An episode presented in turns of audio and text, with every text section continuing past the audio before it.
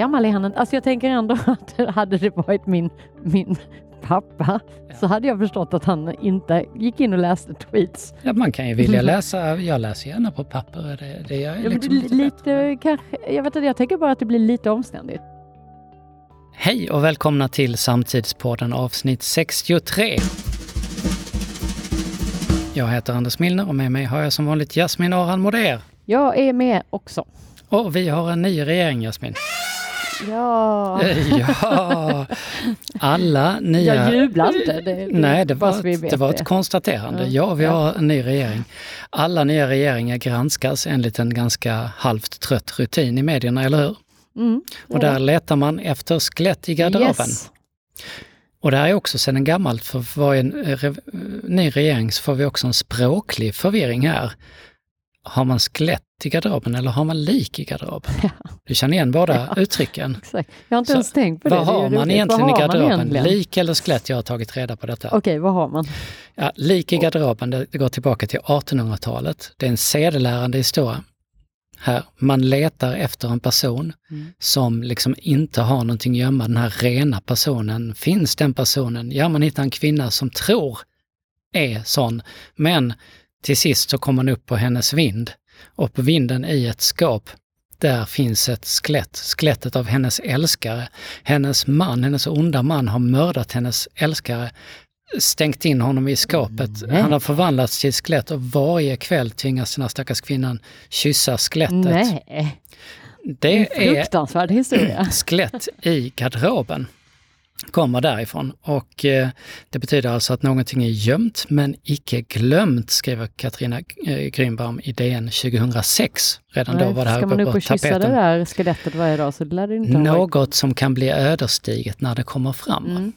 är det. Mm. Så ministrar har alltså skelett i garderoben, men var kommer då det här lik i garderoben? Jo, det kommer från lik i lasten. Man Mhm. har lik i lasten. Och det var helt enkelt så att man på sjön förr, det såg som otur om man hade seglande med döda människor ombord. Det var väl antagligen eh, inte så nyttigt heller så med, med hygieniskt. Nej, hygieniskt. liksom. Mm. Henrik Ibsen eh, skrev 1875, jag tror vi seglar med ett lik i lasten. Och där är det äldsta belagda. Mm. Och det här används då eh, besvär, om besvärande omständigheter. Så det är mer Ja. o- när någonting är liksom lite obehagligt. Katarina Grünbaum då 2006 tar uttrycket det gamla, den gamla Sovjetkommunismen är Vänsterpartiets eviga lik i Mm, lasten. okej. Men då har det blivit synonymt här med skelettet i garderoben. Mm. Eh, kanske på grund av att Norstedts stora engelska svenska ordbok har eh, översatt skele- skeleton in the cupboard med lik i garderoben. Okej. Så det är totalt förvirrat. Det är man säga. totalt förvirrat, och, och, eh, men det gör Man ju kan ha både och i och för sig. Både man kan ha både och ett och man skelett. säger numera då att vi får nog godkänna båda Mm, två. Ja. Vi fattar vad vi menar. Men det blir inte mer förvirrat än, än vad det blivit de här dagarna med den nya regeringen. Jag ska ta några exempel här. Vi hade ju, och, regering och regering, man får ju nästan räkna in SD lite som en, Mm. en slags dold regering Mm, med tanke på att de faktiskt sitter i regeringskansliet också. SD-ledamoten Elsa Widding som är känd i SD-kretsar som deras verkliga stjärna inom energi och klimat. Hon inledde riksdagen med att säga att det saknas vetenskapligt stöd för att det pågår en klimatkris. Stark start. Alltså det är en fantastisk. Va? Det är ju liknar vid att jorden är platt eller att det inte finns, eh, att det finns, eh, ja. Ja men där är många liknelser kan man dra. Ja, Jack Werner eh, skrev på Twitter att det är otroligt att hon inte kunde hålla sig i en enda minut. Hon tog den allra första chansen att klimatförneka i riksdagen hon fick. Inte en sekund fick gå oklimatförnekad. Ja, helt otroligt. Och här är ju Får jag frågan... bara lägga in, är 2022, är det ens rimligt? Alltså, är, det, är väl, det är väl ingen som tror, alltså det, det, ja, obviously så är det någon och tyvärr är det ju några fler då som faktiskt tror på henne. Och det värsta är att nu kommer det ut som rubriker, vilket gör att de som faktiskt går runt och säger att ja, men det, det är nog inte sant med det här med klimatförändringar. Eh, hon har ju rätt. Varför kommer inte då all forskning och vis, eller all eh, fakta och visa på att majoriteten av världens forskare, världens forskare, majoriteten, då pratar vi 90-95 procent, är överens Mm. om en minsta nivå. Detta är ju fakta. Hur är det möjligt att Nej. vi inte bara liksom skriver det som högst, eh, störst eh, Eller man kan ju faktiskt slå fast att hon har fel i rubriker för det var eh, rimligt, eh, rimlig journalistik. Att allting är inte bara åsikter man Nej, kan Detta debattera. är fel. Eh, vi har eh, en eh, forskare som heter Roger Hildingsson som säger till eh, TT att den här typen av skepticism slår undan benen för vettig politisk debatt och för en bredare samhällsdebatt överhuvudtaget.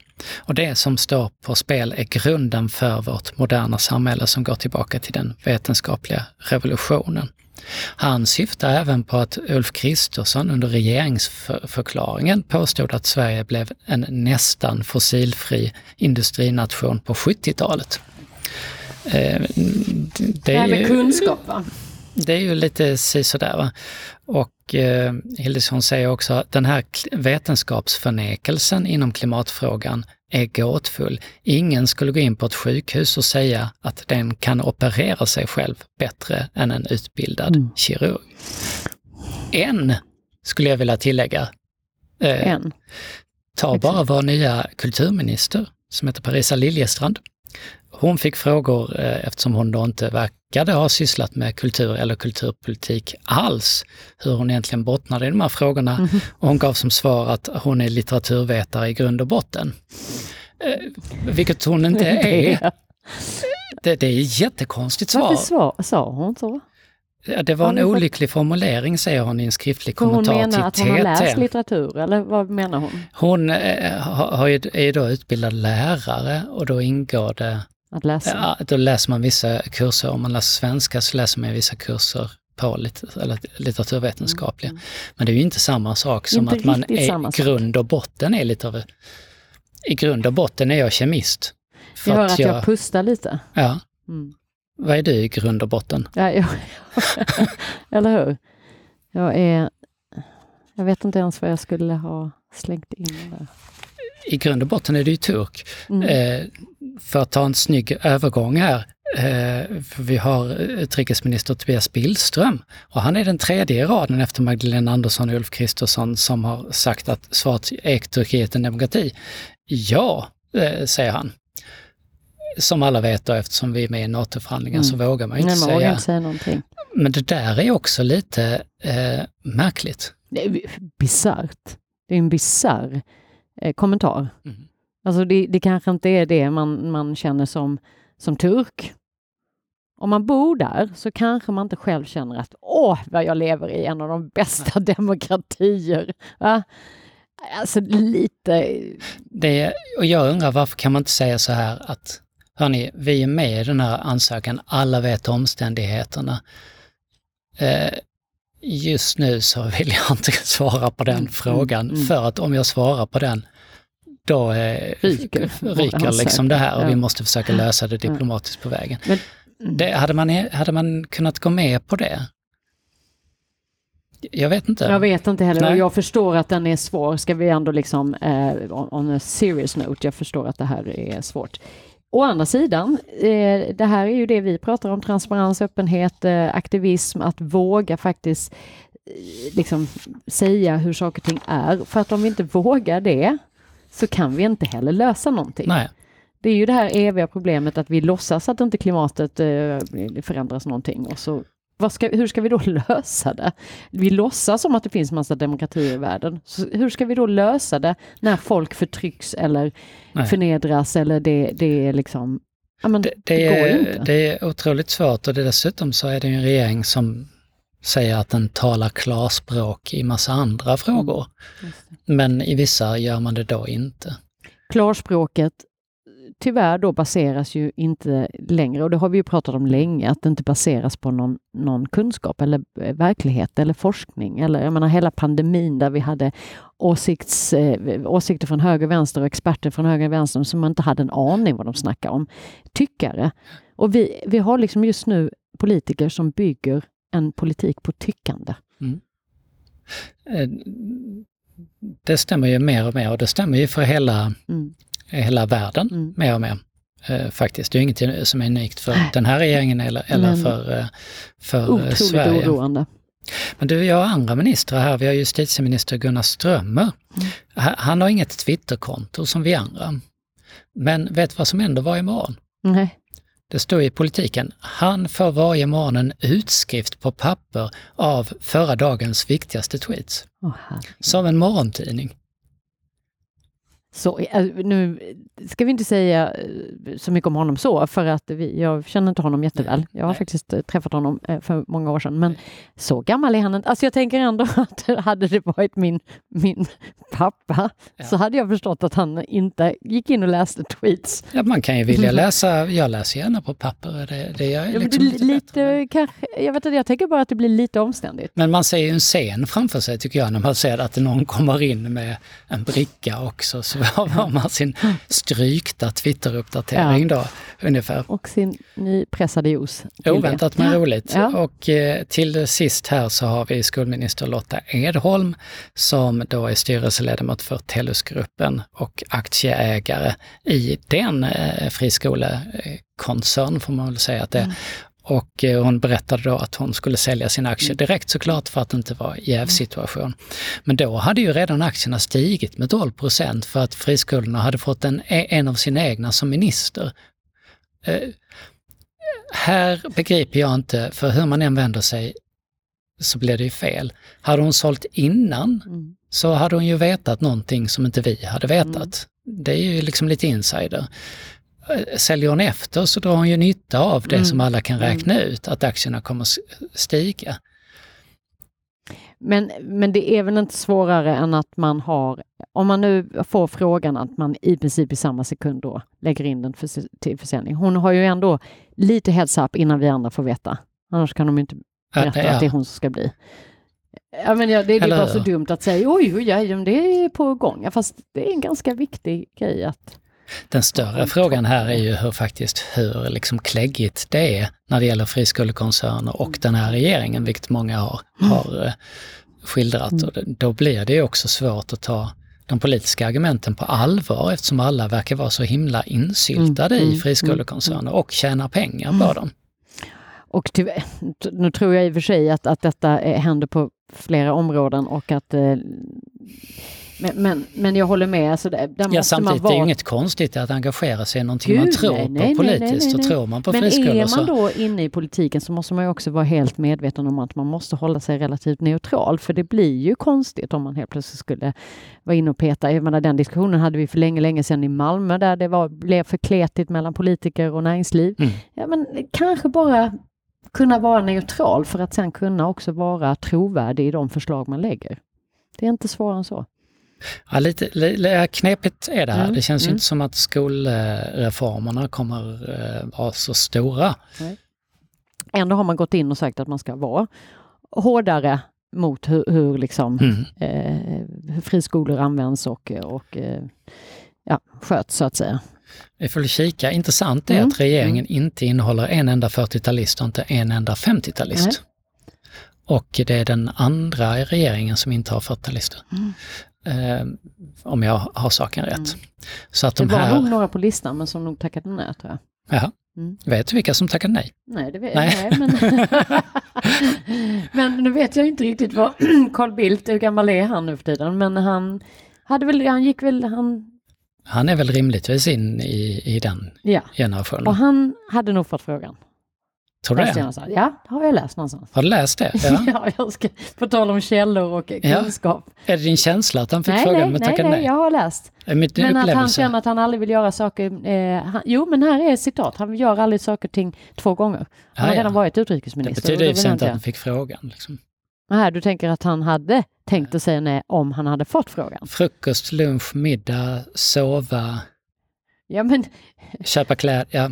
Men jag tänker den typen av kanske stora grejer. Men han kanske faktiskt, vi får leta upp den här artikeln. Han kanske sa om jag hade fått frågan så hade jag tackat nej för jag säger aldrig ja fler än en gång Mm. till sådana uppdrag.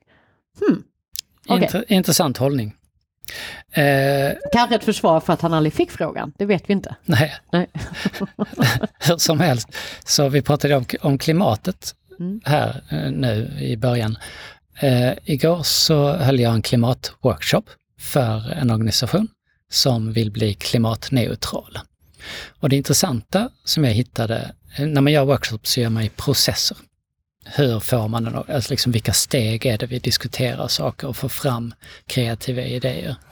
Och då letade jag ganska mycket på nätet innan den workshopen efter processer på nätet. Och då brukar man kunna hitta om, alltså, samma typ av utmaning. Hur har andra gjort det? Inspiration. Det intressanta var att jag inte hittade någonting. I stort sett. Alla sådana här förflyttningar de går ut på egentligen att man har en, man tar in en konsult som mäter så att man har fakta och sen ser man vad man kan dra ner så att man kan, man kan bli klimatneutral. Mm. Och den behövs ju och det, det, förstår jag varför det inte är öppet, det arbetet, för det är en tjänst man köper, mm. någon som jobbar med det. Mm. Men jag undrar lite grann varför finns det ingen öppen information om det här? För har om man förarbetet som... eller kartläggningen? Ja, för, och, och liksom hur man ska tänka mm. och resonera på mm. vägen. Mm. Hade vi haft sådana öppnare så hade ju alla kunnat börja redan idag och göra saker själva, för det här är ju ingen Nej. Det är inga svåra saker. Vad tror, du, vad tror du är ja, Jag tror li, lite som du säger att det ligger kanske delar av de här processerna finns men att de är eh, man släpper inte ut dem riktigt för då kanske man tappar möjliga uppdrag. Eh, jag tänker också att eh, det, även om vi har pratat klimat i många år, i alla fall vi, eh, så är det fortfarande i sin linda att förstå att man behöver göra detta. Eh, jag tror att det börjar komma mer och mer ehm, eh, förståelse att man måste eh, förstå sitt, sina egna utsläpp eller påverkan därför att taxonomin som det som nu så att säga ska användas som en, ett, ett verktyg för att vi ska kunna jämföra olika företag runt om i Europa för att också kunna bli konkurrenskraftiga. Det kommer komma som ett krav på oss på, i större utsträckning och då kommer de här processerna behövas. Så jag tänker att det kommer, men just att transparensen inte jag, finns. Nej, jag har funderat lite grann på vad, var just med transparens och vilken kunskap vi sprider, mm. vilket jag ju gillar att prata mm, om. Mm. Vilket ja, vet. Eh, att vi delar gärna kunskap fritt som är fakta eller det här behöver du göra, det här är de största, eh, så här, det här är målet, här finns all information som liksom vill nudga mm. folk åt ett håll. Mm. Från, från ett samhälle delar vi gärna den. Men vi delar väldigt sällan kunskap om hur man gör i praktiken när det kommer till processer. Och det tror jag lite grann är för att det finns ingen som är van, mm. van att betrakta det som kunskap. Vi, vi betraktar alltid det som en konsulttjänst. Ja, vad, då får ni köpa in en konsult. Mm. Men det är ju lika mycket kunskap som faktan i sig mm. egentligen. Här finns fyra steg du kan göra. Följ dem så får du själv reda på vad du ska göra. Man kan väl tänka då att ni som lyssnar på det här och känner att men vi, man kanske inte har tänkt det som en kunskap, men man har också kanske tänkt att jaha, men det är väl ingen annan som är intresserad av den här kunskapen. Men eh, pinga oss då, så kanske vi mm. kan hjälpas åt att dela. För jag tror att det är ju fler som förstår och att det går att göra och hur man kan göra det oavsett om de tar hjälp av oss eller någon annan desto bättre är det, eller hur? och jag tror att man tänker lite åt... fel från konsultsidan kanske att hålla inne för att processen, stegen är ju en sak. Mm. Den måste ju att, göras. Att leda den eh, framåt, det är mm. det som är yrket mm. egentligen. Yrket kan ju också vara att skapa en bra process men de flesta processer kan faktiskt vara helt öppna och fria. För att det är ändå avgörande vem som kommer in och leder den. Men att man kan starta ett tankarbete själv med det. Bra medskick. Så um, ja, berätta och, vad ni tycker om detta. Och nu ska vi höra lite grann vad, vad som händer i USA. För ja. att eh, med oss har vi vår korrespondent Amelie Röngard. Hej Amelie! Hej Anders! Hur är läget i Florida? Eh, det är eh, kallare än vanligt eh, faktiskt. Men jag skulle säga att det är en trevlig svensk höstdag just nu i temperatur och ja, strålande sol brukar det vara här men jag klagar inte. Nej. Och vad är det då som man pratar om där i den här strålande solen i Florida? Vad är det folk snackar om och vad syns i mediaflödet mest just nu? Jag skulle säga att det är väldigt mycket snack om inflation och stigande priser, precis som säkert överallt annars i världen. Man säger att inflationen här i september var drygt 8 procent, som i och för sig var lite lägre än augusti, så det, det gav lite positiva liksom, ringar på vattnet, men det är ändå fortfarande väldigt högt. Mm. Och eh, Eh, nu eh, i dessa tider eh, har vi kommit närmare Halloween. I det här landet är det ju en stor högtid. Man klär ut sig och man smyckar ut sina trädgårdar eh, beyond, eh, ja, jag har aldrig sett dess like. Det är gravstenar och skelett som hänger överallt. Eh, men då pratar vi också om eh, pumpor som man ju dekorerar med och det är precis som i Sverige, det gör vi ju även i Sverige. Men pumparpriserna har ju följt inflationsstegen också och det är extremt dyrt med pumpor i år. Faktiskt, jag mhm. kollade upp att det var faktiskt betydligt dyrare med pumpor här än vad det var i Sverige. Eh, och jag var själv ute på en pumpafarm faktiskt lite utanför stan här i helgen för att köpa pumpor. Jag tycker det är lite fint att sätta vid dörren. Eh, jag kommer inte dekorera med eh, skelett och eh, andra hemskheter. I alla fall, de hade ju byggt upp en fantastisk miljö där med höbalar och pumpor och, och sådär. Mm. Och jag skulle köpa några stycken tänkte jag för att dekorera med. Men jag insåg att det var ju jättedyrt med pumpor så att det blev tre lite mindre pumpor. Mm. Och jag tror, jag tror jag betalade ja, 20 dollar för en 5 kilos pumpa. Mm faktiskt. Det är ganska mycket. Det är ju rätt så mycket. Och jag läste mm. faktiskt att, att det precis kommit en undersökning när man har, har kollat med amerikaner som, har, som jobbar heltid eh, hur de klarar sig nu i inflationstiderna. Och där visade det sig att i stort sett hälften av alla tillfrågade i enkäten hade antingen påbörjat eller tänkt påbörja sökandet efter ett andra jobb. Mm. För att det är så eh, pressat. Och intresset för de här olika eh, eh, typerna av, av gigarbeten och andra har, har då ökat till mer än någonsin. Liksom. Att det verkligen syns nu att, att folk behöver mer pengar för att klara sig. Mm. Ja, och jag menar, det är inte bara inflationen som stiger. Vi vet ju att räntor, bostadsräntorna och räntorna i största allmänhet stiger ju också. Och det blir också dyrare för, för alla. Plus en annan viktig parameter i det här landet. Eh, vi har ju mycket bilar i det här landet. Tyvärr mycket mer bilar än eh, vad man behöver skulle jag säga. Men, men det är ju för att Eh, kollektivtrafiken är ju inte lika väl utbyggd som i Sverige till exempel.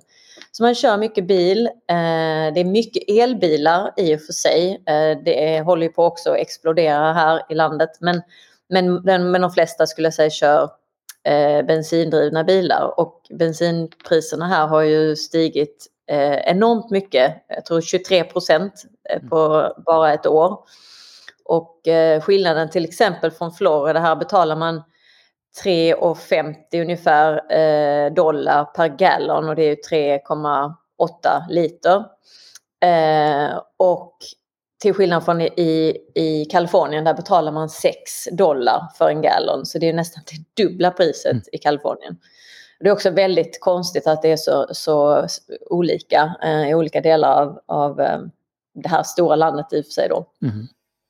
Man... Men, men, det, är ett strateg, det blir också en politisk fråga såklart. Vi nämnde ju förra veckan eh, det här med midterm elections som ju börjar närma sig. Jag tror det är 20 dagar, alltså tre veckor dit eller någonting sånt. Eh, och nu till exempel igår gick Biden ut och sa att eh, man går ut, eh, eller han går, gick ut och sa att eh, han eh, köper en sån, eller släpper en sån här oljereserv på 15 miljoner barrels, alltså tunnor eh, som man då tar till som ett medel i för att sänka, sänka priset. Mm. Och utbudet blir större då. Så vi får se. Ja, precis som i alla andra varurörelser så är det väl liksom då allting som händer är ju den sittandes fel. Så att säga, att, man, att man tar löst det. I, ja. eh, I svenska valdiskussionen heter det att vi hade Magda-priser som KD följde fram till exempel och jag gissar att det är lite liknande press mm. på Biden just nu att det är hans ekonomiska politik som har misslyckats nu med inflationen. Mm. Jag var förresten på Coop och handlade i den här veckan. Och Ja. för första gången nu i inflationstiderna så, så handlar man ju och sen gör alla samma sak efter. Nämligen man tänker, men herregud, och så tittar man på kvittot Ja. för att se, är det här rätt egentligen det jag köpte? Ja. Nu i veckan på Coop, vet du vad som hände då? Då tittade Nej. kassörskan själv på kvittot och tänkte, herregud, kan det verkligen bli så här mycket? Han har ju bara köpt lite småsaker. Och så kostar det 500 kronor. Så Liksom. kostade 500 och vi tänkte samma sak. Det här, det här är inte rätt. Men det var rätt. Ja, Jag måste säga att jag tycker att man, man har varit ganska bortskämd med att kunna gå och handla och köpa liksom det man vill äta så att säga. Klart man tittar lite på priser, man köper ju inte liksom det dyraste varenda gång. Men, men eh, nu har jag sett det, ser det som en liten sport när jag går och handlar här. För jag tycker att äpplena kostar liksom en dollar styck. Eh, och då tänker jag att nej, det vill jag inte betala. Så nu letar jag liksom var kan jag köpa de billigaste äpplena med samma kvalitet? Och det finns ju uppenbarligen eh, i väldigt olika priser på olika ställen. Mm. Eh, och så kanske man väljer att prissätta någonting lägre eh, på ett annat ställe men, men och så tar man igen det på någonting annat. Men ja, nu är jag en sån prisjägare känner jag. Prisjägare, ja det, det landet med, med eh, högst inflation är Zimbabwe som eh, i slutet av sommaren, början på hösten hade 285 procent Oj. inflation. Och jag som trodde Turkiet var, var eh, bra i topp där. Jag tror de har 75 procent i år. eller Ja, man kan gå högre. Eh, vi får väl se vad detta tar vägen och Amelie, stort tack för din rapport från Floridas medieflöde. Tusen tack för att jag fick vara med. Och vi hoppar raskt in i veckans Men hallå!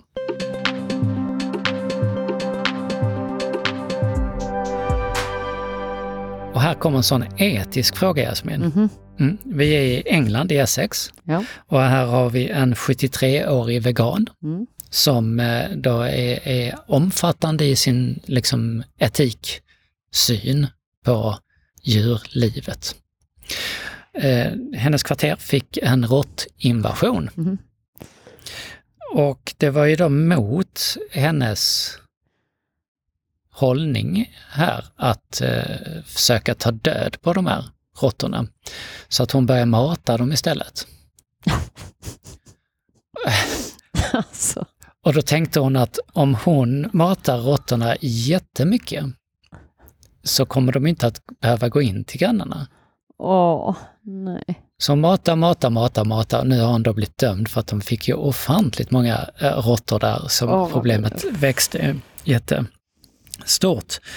Eh, så att eh, 1500 pund har hon fått böta nu för sitt tilltag. Hur ska vi betrakta Hur ska vi tänka? Hur ska vi tänka kring detta? Det är rätt eh, fint tänkt egentligen. Mm. Okej, nu personligen så är ju råttor kanske inte on my top eh, liksom favoritdjur. Nej.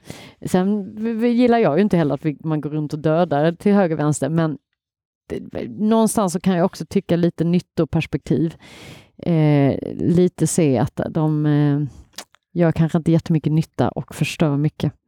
Vi får nog ha med de aspekterna också. Mm. Ja, jag, hade inte, jag hade inte gjort det. Nej, Nej. Det, det hade inte jag heller, det, det, det kan jag säga. De hade gärna fått vara någon annanstans. Mm. Eh, och de, det, det funkade inte heller knepet ska vi säga. Nej, nej. Det, så gör inte det. Gör inte det. Mm. Eh, idag är det den 20 oktober. Idag 1650 så kröntes drottning Kristina till svensk drottning. 1708 är St. Pauls katedralen i London färdigbyggd. Och 1965, idag, så föddes Jakob Hellman. Grattis Mm, Jakob! Grattis! Där ser man. Ja, men då var det allt från eh, Altitude Meetings och Samtidspodden. Eh, och vill ni veta vad vi sysslar med som vanligt så kan ni bara kolla in våra sociala medier eller eh, på vår sajt altitudemeetings.se. Och vi fortsätter aktivera oss, eller säga, agera aktivister och eh, agera transparent och hoppas att ni gör det också. Vi hörs och ses snart. Hej då!